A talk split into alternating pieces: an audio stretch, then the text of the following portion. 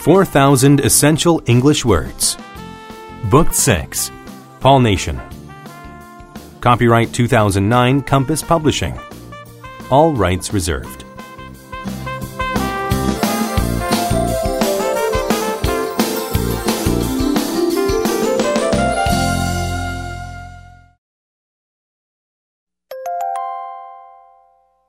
Unit 1 Word List Alleviate. To alleviate pain or suffering means to make it less intense or severe. She needed something to alleviate the pain in her back.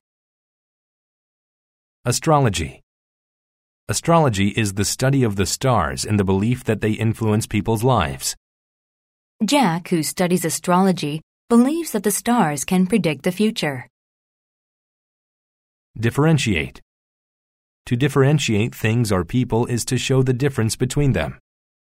It was hard to differentiate between the identical twins. Disrupt. To disrupt something or someone is to prevent them from working. The loud crash disrupted the class lecture. Equation. An equation is a math operation to determine the value of something. I used the Pythagorean theorem to solve the equation. Err. To err means to make a mistake. The pilot erred in his estimate of the time it would take to make the trip. Erroneous. When something is erroneous, it is incorrect or only partly correct. The child held the erroneous belief that time machines were real. Frantic.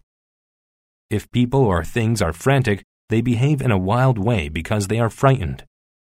The cat became frantic when I tried to give it a bath. Hull. The hull of a boat or tank is the main body of it. After the wreck at sea, the ship's hull was the last part to sink. Inadvertent.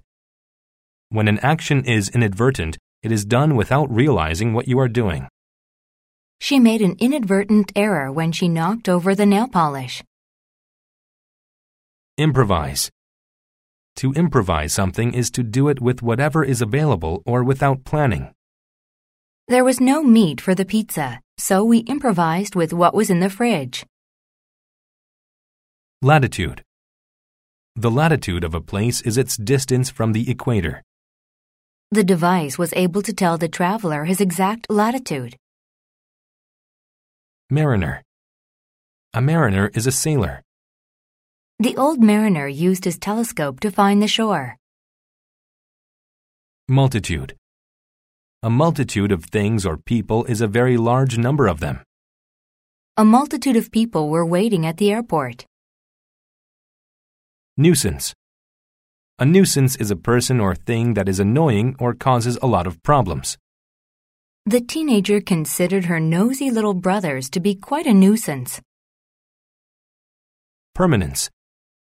The permanence of something is its ability to last forever.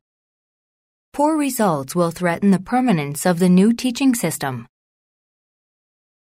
Revolve.